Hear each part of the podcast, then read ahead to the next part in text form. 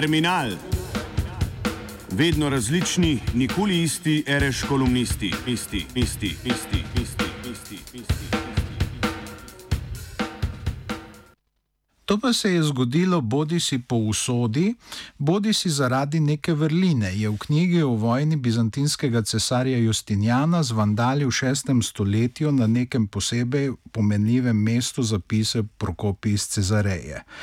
Podobno bi bilo mogoče razmišljati še o marsičem drugem, kar sta za prihodnost ohranila spomin in historiografija.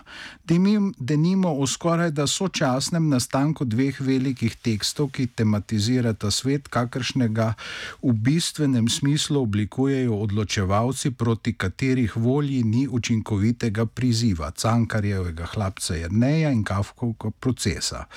Povest slovenskega pisatelja, ki še danes tako vznemirja od oblastne mogočnosti prevzeti zavzete mrkoglede možake, da se od časa do časa lotijo celo onemogočanja recepcije odlomkov iz nje, je išla leta 1907. Kafkov nedokončani roman pa je bil vržen na papir med poletjem 1914 in koncem januarja 1915.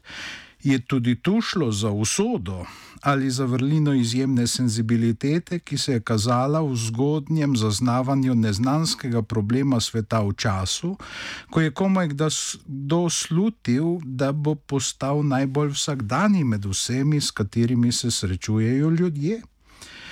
Da je Kafka opazil odločevalce, proti katerih volji ni učinkovitega ugovora, spričo nastajanja njegovega procesa v času vojaškega poabsolutizma v zahodni državni polovici Avstralske, niti ni posebej nenavadno. Ko je pisal svoj najznamenitejši tekst, so bili izjemni časi. Dunajski državni zbor, ki se tedaj ni smel sestajati. Medtem ko se je že njegov peštanski dvojček dobrih 200 km vzhodneje lahko, ni bil niti propagandistični megafon, kar so v marsikaterem trenutku prve od dveh totalnih in absolutnih planetarnih vojn bili parlamenti drugih sil. Vrstile so se aretacije in justifikacije, tudi parlamentarcev. Na malenkosti se v surovem času pač ni gledalo. Kafko je vsekakor mogla navdihovati stvarnost eksistencialno izpostavljenega časa, čeprav je ni tematiziral neposredno, to da advokat ki se odkrito smeji svojemu klientu, ni realistična figura in s tem tudi celota ne. Odvetniki se strankam v stvarnosti smejijo kvečjemu na samem, kadar so z drugimi jih branijo, profesionalni, med njimi resno, oni drugi pa vsaj resnobno. Roman Proces pač ni slika določene trenutne stvarnosti, temveč globoko pomenljiva pripoved o civilizacijskem problemu oblasti ali ne mara celo samo hierarhije, ki generirata podrejenost. Za Ivana Cankarja, ki je nekaj prej spregovoril o teh zadevah, pa stvarnost ni pisala. Svet, ki ga je obdajal, ko je ustvarjal hlapca Jrneja in njegovo pravico, sicer ni pokal od zanesenega optimizma, a njegovi trdovi trdo preizkušeni prebivalci so vendarle ugotavljali, da se ne samo vrti, temveč da tudi potuje k znosnosti, pa celo k blaginji. Pisateljev oče Jožef Cankar, ki je v izteku nemško-liberalne dobe v zahodni državni polovici Habsburške monarhije doživel popoln gospodarski zlom, je na večer življenja 40 let pozneje ugotavljal, da bo prihajajoči generaciji nedvomno še lažje, kakor njegovi in sinovi. V času slednje se je tudi že marsikaj spremenilo, predvsem je pomembnost postala množična. Priznana je bila že za stvari, ki so bile poprej samoumevno občutene kot minorne. Če po Sarajevskem atentatu ne bi izbruhnila vojna, bi bile perspektive še boljše za vsakogar. Kljub temu pa je Cankar zaznal sence tudi v takem svetu. Dojemanje slednjega strani drugih kot boljšega ali vsaj manj slabega od poprejšnjega mu ni skalilo pogleda. Upazil je odločevalce, proti katerih volji človeku ni mogoče storiti nič. Sredi najobičajnejše vsakdanjosti so bili in ji vse uspešneje dirigirali. Da, celo v samo jedro samoumevnosti so se že naselili. Ti ljudje pa niso bili pompoz, s pompoznim bliščem obdani absolutistični monarhi, ki bi hoteli posnemati Ludvika XIV. ali XV.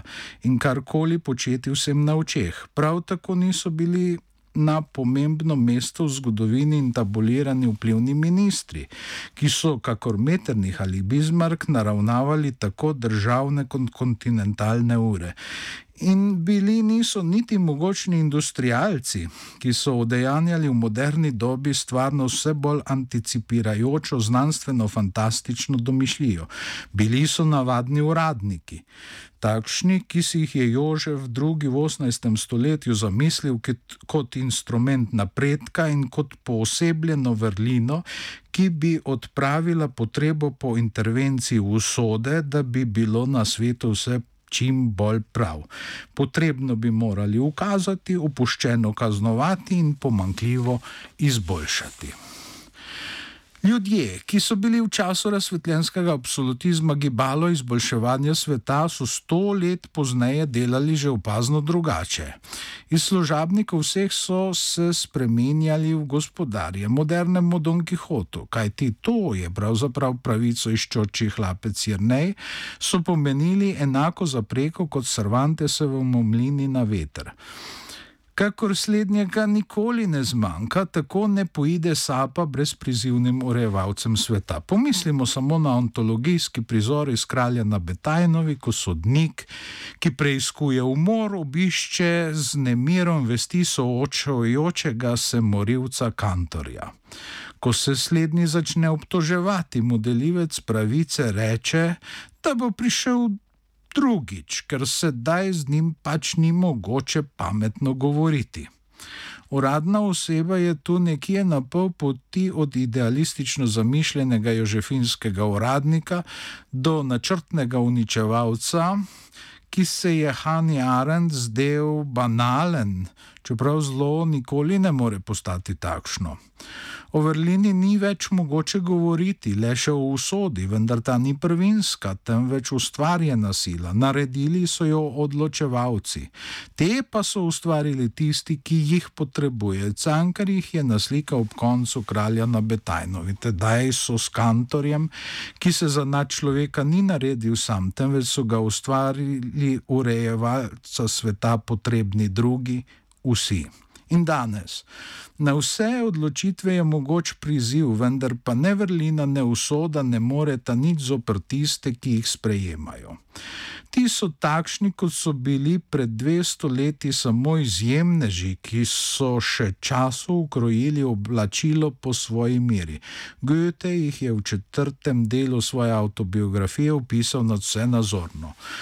To niso vedno najboljši ljudje, ne po duhu, ne po talentih in redko so dobrega srca. To, da neka ogromna moč izhaja iz njih in neverjetno oblast imajo nad vsemi bitji, da celo nad elementi in kdo more povedati, kako daleč lahko seže tak vpliv.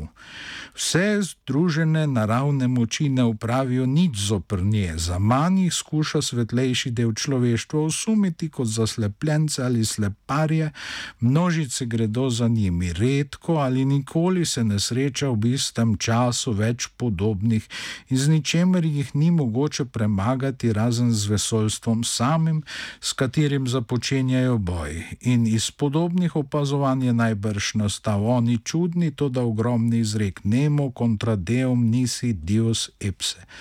ipse. Nihče ne more proti Bogu nič razen Boga samega. V našem času se tako vedejo ljudje, v katerih ni ne vrline, ne usode in ne zgodovine. In ni treba biti ne cankar, ne kafka, da se jih opazi, kajti njihovi prstni odtisi so povsod in zmerom so brez sence, kakor Petr Šlemil, ki ga je ustvarila demonična domišljija Adalberta von Šamisa. Terminal je pripravil Igor Gardina.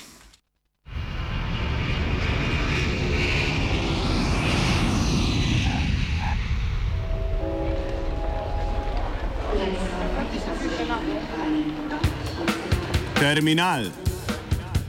Vedno različni, nikoli isti, reš kolumnisti, isti, isti, isti, isti, isti, isti. isti.